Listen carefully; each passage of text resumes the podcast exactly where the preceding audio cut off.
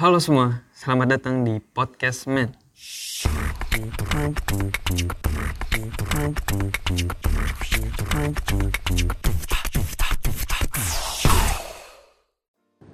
Assalamualaikum warahmatullahi wabarakatuh. Welcome back to Podcast Man, podcast manajemen. Oke guys, dengan Aisyah di sini selaku host yang bakal nemenin kalian selama podcast ini berlangsung. Tentunya Ais bakal ditemenin sama narasumber yang spesial banget. Siapa lagi kalau bukan Kak Intan Mayang Sari. Wah. Dan sebelumnya kalian harus tahu nih, Kak Intan merupakan salah satu mahasiswa di kelas unggulan yang terfokus kepada keuangan. Dan Kak Intan merupakan sekretaris umum dua periode di organisasi yang berbeda. Keren banget gak tuh? Penasaran kan? Penasaran kan? Langsung aja nih Ais bakal nyapa Kak Intan yang alhamdulillah sudah hadir di tengah-tengah kita. Halo Kak Intan. Halo Aisyah. Wah, Masya Allah. Gimana kabarnya Kak? Sehat? Alhamdulillah sehat. Kalau Ais sendiri gimana kabarnya? Alhamdulillah sehat-sehat. Gimana Kak? E, ke sini naik apa? Alhamdulillah naik motor. Sama siapa nih? Sendirian. Gak mau ngode-ngode seseorang gitu? Waduh, Iya. enggak. Tanda kode. Oke, senang banget nih Kak Intan udah hadir di tengah-tengah kita dan tentunya kita bakal bincang-bincang santai ya Kak. Iya, pasti. Spesial banget untuk pendengar setia dari Podcastman. Oke, mungkin Kak Intan mau nyapa pendengar setia dari Podcastman? Halo buat pendengar podcast Men. Kenalin, aku Intan, mahasiswi FEB Prodi Manajemen yang sudah dijelaskan Ais tadi mungkin ya. Oke, teman-teman lo bisa untuk menyiapkan earphone-nya, cemilan, canda cemilan lagi puasa ya. Agar teman-teman bisa menyimak nih dengan seksama obrolan kita yang akan dibincangkan pada kali ini. Oke nih Kak, sebelum kita bincang-bincang lebih serius, mungkin kita bahas yang ringan-ringan dulu ya Kak. Biar pendengar podcastmen bisa paham dan juga bisa mendengarkan dengan santai apa yang kita bicarakan. Oke nih kak, berbicara tentang mahasiswa di kelas unggulan. Nah mungkin masih banyak nih yang belum tahu gitu kan. Ada berapa konsentrasi di FEB UHAMKA khususnya di konsentrasi yang kakak ambil itu ada apa aja sih kak? Nah, mungkin kakak bisa untuk menjelaskan sedikit sebagai pengantar dari pembicaraan kita pada kali ini. Oke, sebenarnya di Fakultas Ekonomi UHAMKA ini ya ada empat konsentrasi nih teman-teman semua. Yang pertama manajemen keuangan, manajemen sumber daya manusia, manajemen pemasaran, manajemen kewirausahaan. Dan aku sendiri memilih untuk konsentrasi manajemen keuangan. Oke, kakak memilih manajemen keuangan, konsentrasinya ya. Nah itu kenapa tuh kak? Eh, dari berawal sih dari semester 1 yang ada mata kuliah pengantar akuntansi ya. Mungkin teman-teman semua udah dapat gitu ya mata kuliah itu dan di situ aku merasa cocok bahwa manajemen keuangan lah yang memang yang bakal aku ambil untuk ke depannya seperti itu. Oke, berarti karena emang suka hitung-hitungan ya kak? Alhamdulillah. Wah keren banget sih, beda emang sama Ais. Oke, keren keren keren. Oke nih kak, berbicara tentang keuangan, justru di era pandemi seperti ini, keuangan menjadi permasalahan yang paling krusial. Nah, pas banget dengan tema kita, yakni strategi mahasiswa mengatur keuangan di era pandemi. Tentunya akan banyak hal yang akan Ais bincangkan dengan kakak terkhusus spesial untuk pendengar setia podcastman. Oke, sebelum membahas lebih jauh nih kak, Ais mau nanya. Tentu konsentrasi kakak kan keuangan ya. Nah, yang dimaksud dengan financial planning itu apa sih kak? Dan pentingkah seorang mahasiswa memahami serta menerapkan financial planning untuk kehidupannya? Oke, jadi gini teman-teman semua, financial planning itu kan perencanaan keuangan. Sebenarnya di kehidupan kita sehari-hari itu nggak cuman keuangan yang mempunyai perencanaan, tetapi aktivitas, kegiatan pun yang kita lakukan juga butuh perencanaan. Nah, yang sering kita yang sering kita dapatkan ialah setiap uang yang berapapun yang dikasih sama orang tua, pemasukan yang kita dapat, terkadang uangnya itu nggak tahu entah ke mana tiba-tiba habis begitu saja kan.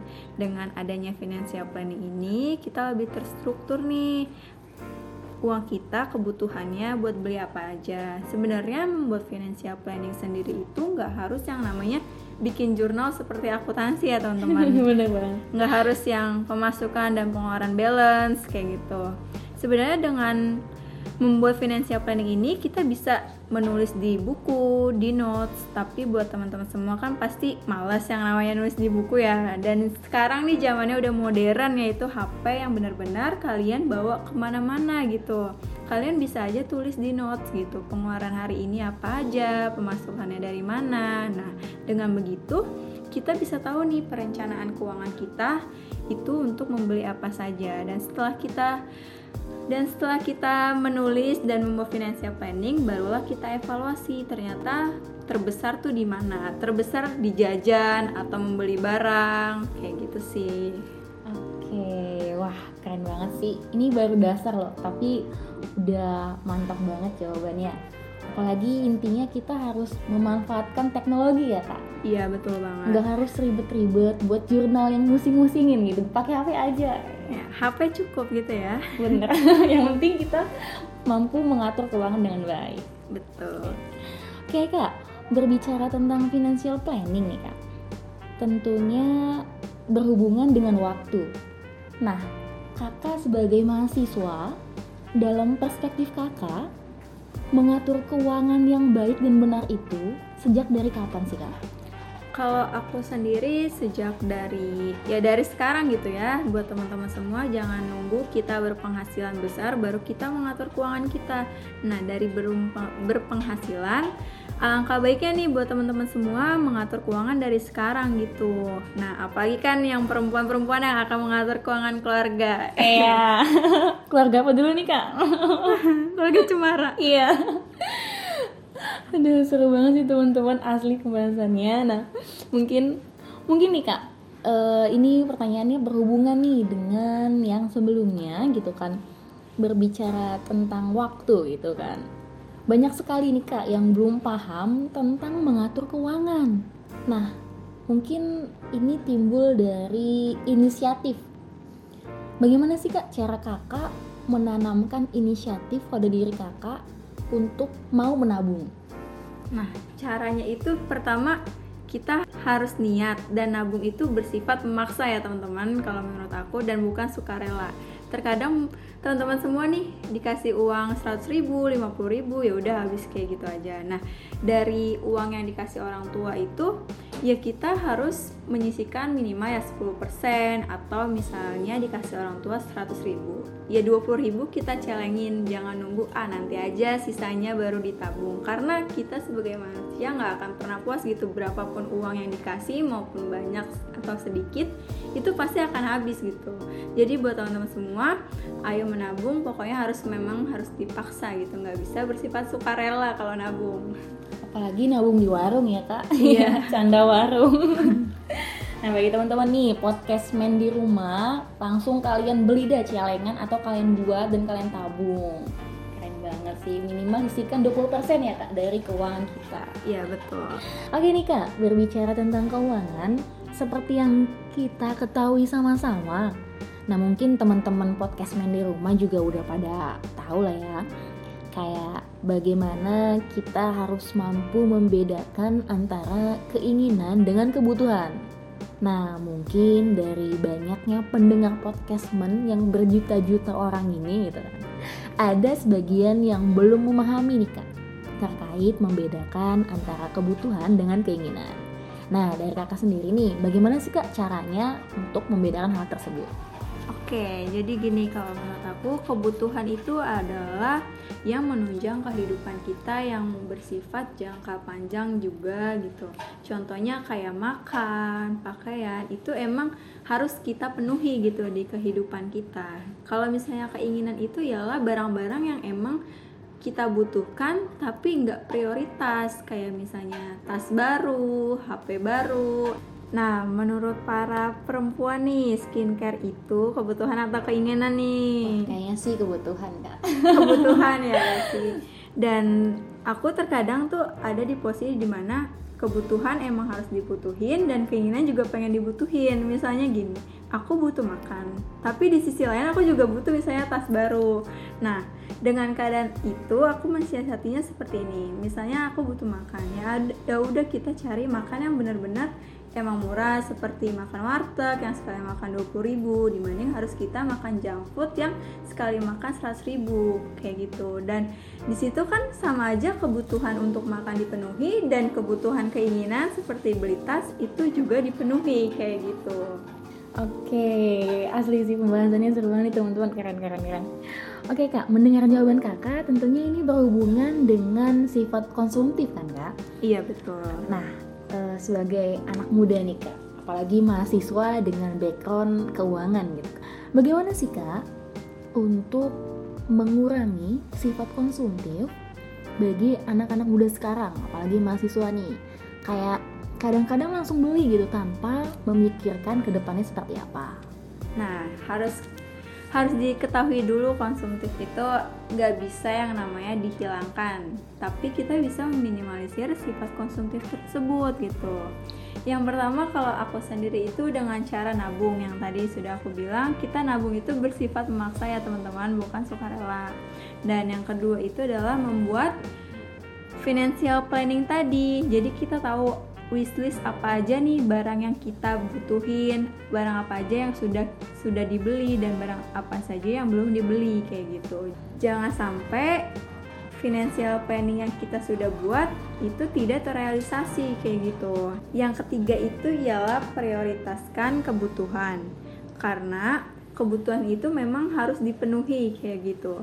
Nah, butuh selalu perlu sedangkan perlu tidak selalu butuh. Jadi kebutuhan memiliki derajat yang paling tinggi dibanding keinginan seperti itu. Nah, yang keempat itu kurangi jalan-jalan di mall atau cuci mata. Nah, terkadang nih buat perempuan-perempuan yang emang niatnya di awal pengen cuman refreshing ya tapi sampai di mall terkadang kita beli barang yang emang nggak ada di wishlist yang kita butuhin Hedonisme gitu ya kak? iya bener banget kayak gitu malah terkadang kita kadang suka nggak mikir gak sih kalau misalnya beli barang di mall Yang penting lucu gitu udah. Iya.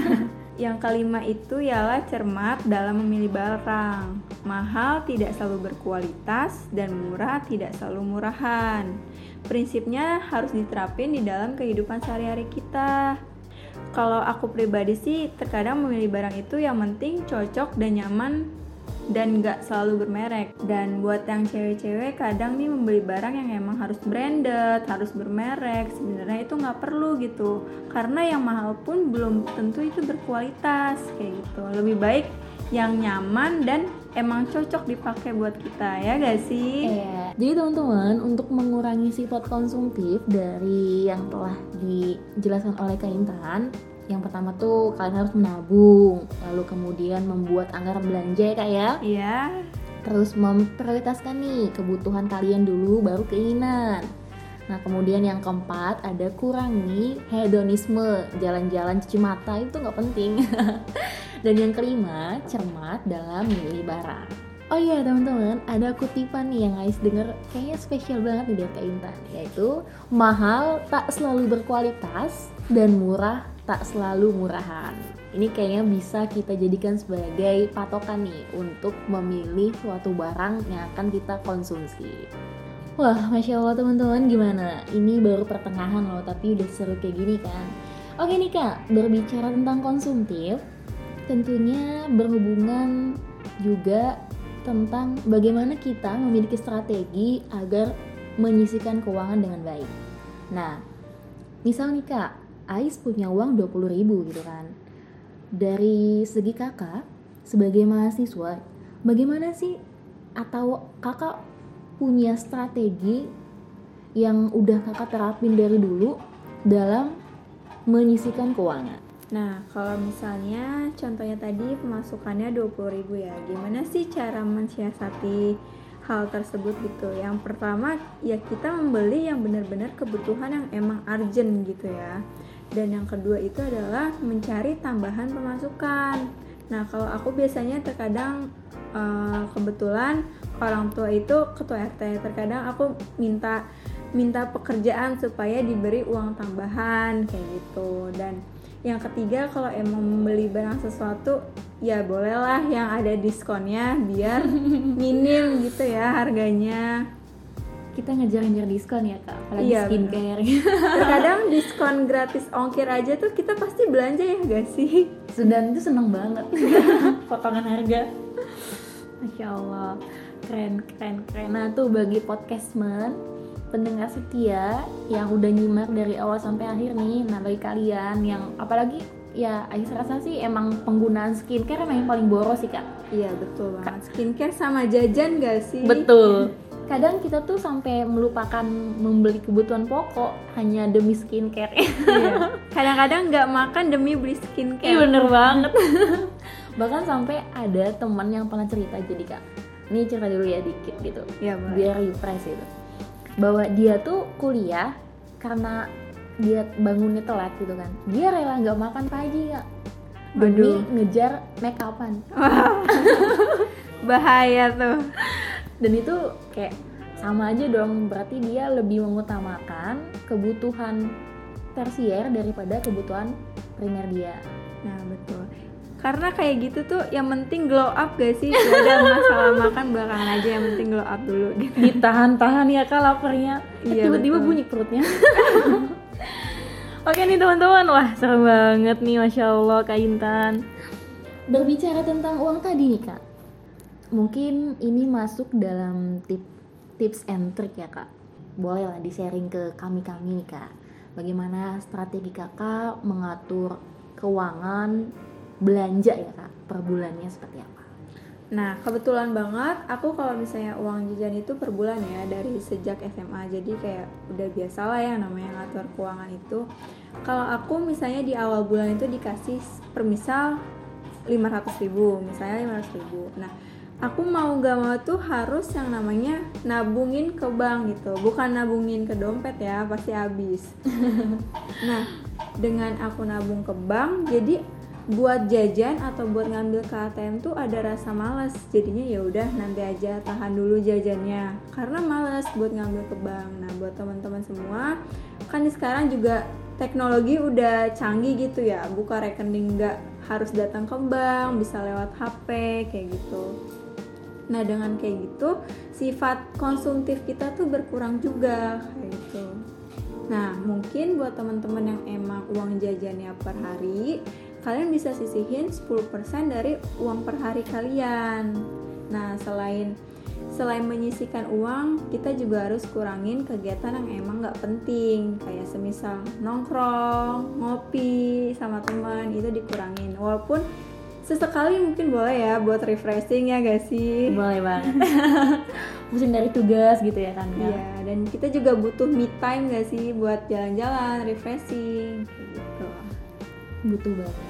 Nah, gimana nih teman-teman podcastman yang udah nyimak dari awal sampai akhir? Nah, oke nih kak, berbicara tentang keuangan nih. Nah, mungkin ini pertanyaan yang paling marak ditanyakan.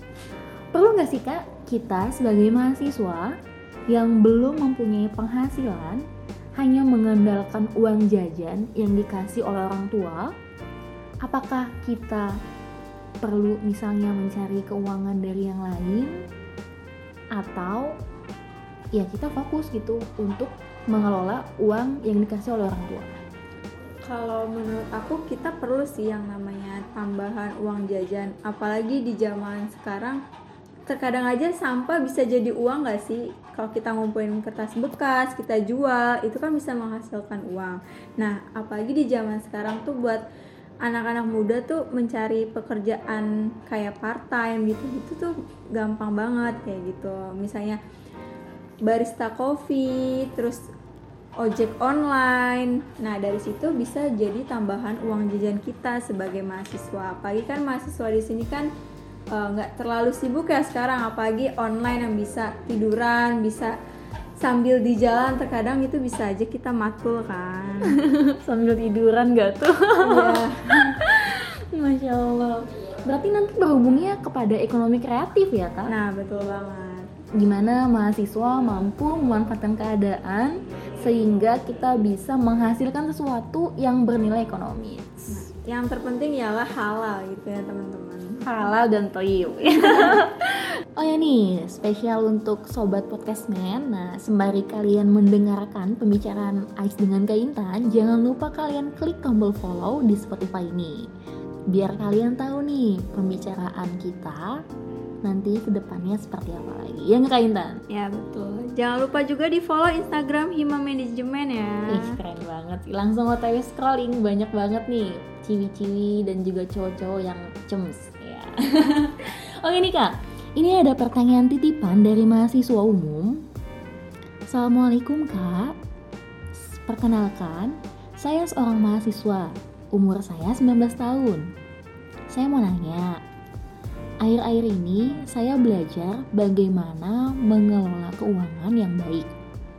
Dan saya sudah memikirkan keuangan di masa depan. Akan tetapi, saya belum mempunyai penghasilan yang signifikan. Nah, apakah bisa saya dengan penghasilan saya yang bisa dibilang hanya 500 ribu dapat merencanakan keuangan untuk di masa tua agar nantinya saya tidak kesulitan nih dalam hal keuangan. Terima kasih. Gimana tuh Kak Intan responnya dari podcastman nih spesial? Nah, eh, jadi gini teman-teman, di Fakultas Ekonomi dan Bisnis UHAMKA ini ya, kita sudah difasilitasi ada galeri investasi, mini bank. Nah, di situ kita bisa manfaatin kayak di mini bank kita bisa nabung tapi tidak kena bunga. Dan galeri investasi kita juga ber, bisa berinvestasi kayak investasi saham. Terus investasi kan banyak ya macamnya ada saham, reksadana, emas kayak gitu. Nah, dari situlah kita bisa mengelola keuangan kita untuk jangka panjang nanti dan teman-teman perlu tahu berinvestasi itu nggak perlu yang namanya uang yang banyak gitu yang penting kalian niat terus datang daftar itu udah bisa berinvestasi. Dan buat teman-teman berinvestasi itu nggak harus kita punya penghasilan sendiri ya. Banyak juga nih dari mahasiswa FEB tentunya yang sudah berinvestasi. Nah mungkin nih kak e, banyak ya dari podcastman gitu kan yang masih SMK dan kalau misalnya podcast mau lanjut nih gitu kan ke jenjang perkuliahan boleh lah gabung ke FB Hamka ya kak ya? Iya betul banget. Karena kita juga punya fasilitas yang memadai banget sih. Keren banget sih. Dan kalian juga bisa ketemu sama kak Intan. Wah seneng banget gak tuh. Doain aja tahun depan lulus. Ya nggak bakal ketemu dong kak. Ya bisa ketemu. Nah bagus banget kan teman-teman. Pokoknya langsung aja dah diajak oke kak. E, berbicara tentang keuangan gitu ya kan. Apalagi tadi ada uang tambahan ya kan kak dari sumber lain gak hanya dari orang tua. Betul banget. Nah teman-teman tahu nggak sih bahwasannya Kak Intan ini selain mahasiswa unggulan gitu kan dia juga ikut organisasi sana sini loh. Keren gak tuh? Nah mungkin ini pertanyaan dari banyak orang juga nih kak. Gimana nih cara kakak untuk memanage juga antara uh, perkuliahan kakak terus juga kemudian organisasi apalagi jadi sekretaris umum loh teman-teman. Terus juga yang terakhir keuangan kakak. Nah, setelah kita udah membahas tadi mengenai perencanaan keuangan ya, kita juga butuh nih yang namanya perencanaan waktu. Nah, kalau aku sendiri menyikapi hal tersebut ialah kita juga harus tahu kapasitas diri kita seperti apa, mampu gak kita meraih tanggung jawab yang sudah kita ambil gitu. Jangan cuman kita ikut-ikutan tapi nggak ada yang kita seriusin gitu ya. Karena nggak enak loh nggak diseriusin tuh. Iya nggak diseriusin tuh kode. Jadi bolehlah organisasi sambil kuliah kayak gitu. Asal jangan karena organisasi kuliahnya berantakan itu nggak boleh. Karena kewajiban kita ya sebagai mahasiswa ya kuliah juga gitu. Karena karena pelajaran yang ada di dalam kuliah itu tidak cukup untuk nanti kita di dalam dunia pekerjaan kita juga butuh soft soft skill yang harus kita kembangkan melewat organisasi. Nah, apalagi kan di FEB sendiri tuh ada organisasi yang nggak kalah keren yaitu himpunan mahasiswa manajemen. Bagi teman-teman nih khususnya mahasiswa baru, ayo kita join di himpunan mahasiswa manajemen. Nah dengan kalian gabung di himpunan manajemen nih banyak banget loh manfaatnya teman-teman bisa mengasah soft skill, terus bisa menambah relasi. Dan juga jodoh nama nggak kak? Kalau jodoh sih beruntung-beruntungan ya teman-teman. Masya Allah sih Gimana teman-teman podcastman? Seru banget kan pembahasan kita, Masya Allah Ais mengingat ini bagi teman-teman yang mau nanya untuk next episode Boleh kalian langsung aja cek di IG kita. Kemudian kalian DM dan kalian boleh bertanya sebanyak mungkin untuk ke depannya Oke teman-teman, kesimpulan dari pertemuan kali ini. Jadi teman-teman selaku mahasiswa harus bisa mengatur keuangan dengan baik. Di mana teman-teman harus belilah barang yang memang teman-teman butuhkan. Jangan membeli barang-barang karena ikut-ikutan atau ingin dibilang tren. Karena pastikan dulu nih barang yang teman-teman beli memang diperlukan. Budaya membeli barang karena tren bisa menjerumuskan teman-teman pada kehidupan konsumtif. Kayak gitu. Lalu kemudian ada poin-poin nih bagaimana teman-teman harus mengurangi sifat konsumtif. Yang pertama, teman-teman harus membiasakan menabung. Yang kedua, membuat anggaran belanja. Yang ketiga, teman-teman harus memprioritaskan kebutuhan baru keinginan. Ingat ya, jangan sampai keliru. Kebutuhan baru keinginan. Lalu yang keempat, kurangi hedonisme. Cuci mata, jalan-jalan yang tidak perlu. Dan yang kelima, teman-teman harus cermat dalam memilih untuk membeli barang. Kutipan bijak dari Kak Intan nih yang masih terngiang-ngiang di, di telinga Ais selaku host. Mahal tak selalu berkualitas dan murah tak selalu murahan. Oke kak, makasih banyak nih udah bincang-bincang dengan Ais, dengan tim podcastman. Makasih banyak Kak Intan. Semoga kakak sehat-sehat selalu ya kak. Amin, Ais juga semoga sehat-sehat selalu ya. Amin. Mungkin kakak ada pesan-pesan untuk pendengar siap podcastman nih? Uh, mungkin pesannya ialah jangan lupa dengerin terus podcastman episode 1 sampai episode terakhir nanti. Tetap stay tune di Instagram Hima Management. Oh iya, mungkin kakak mau promosi gitu kakak silakan kak. Boleh yang mau follow at Intan Opeki. Tuh teman-teman dikas Instagramnya langsung di follow dan juga di DM. Kalian tuh orang baik banget asli nggak bohong. Jangan lupa kalian juga untuk follow Instagramnya Human Management UHMK yang udah dibilang sama Kak Intan. Ais ucapin terima kasih untuk para pendengar siap podcastman yang udah mendengarkan dari awal sampai akhir. Semoga pembicaraan kali ini bermanfaat. Akhir kalam, Ais selaku host memohon maaf bila ada kesalahan kesalahan mutlak dari Ais, kebenaran dari Allah Subhanahu wa taala. Sampai bertemu lagi di podcast Men episode selanjutnya. Bye bye. Bye bye. Dadah, see you.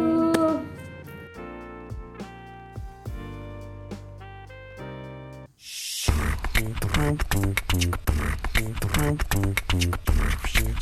you.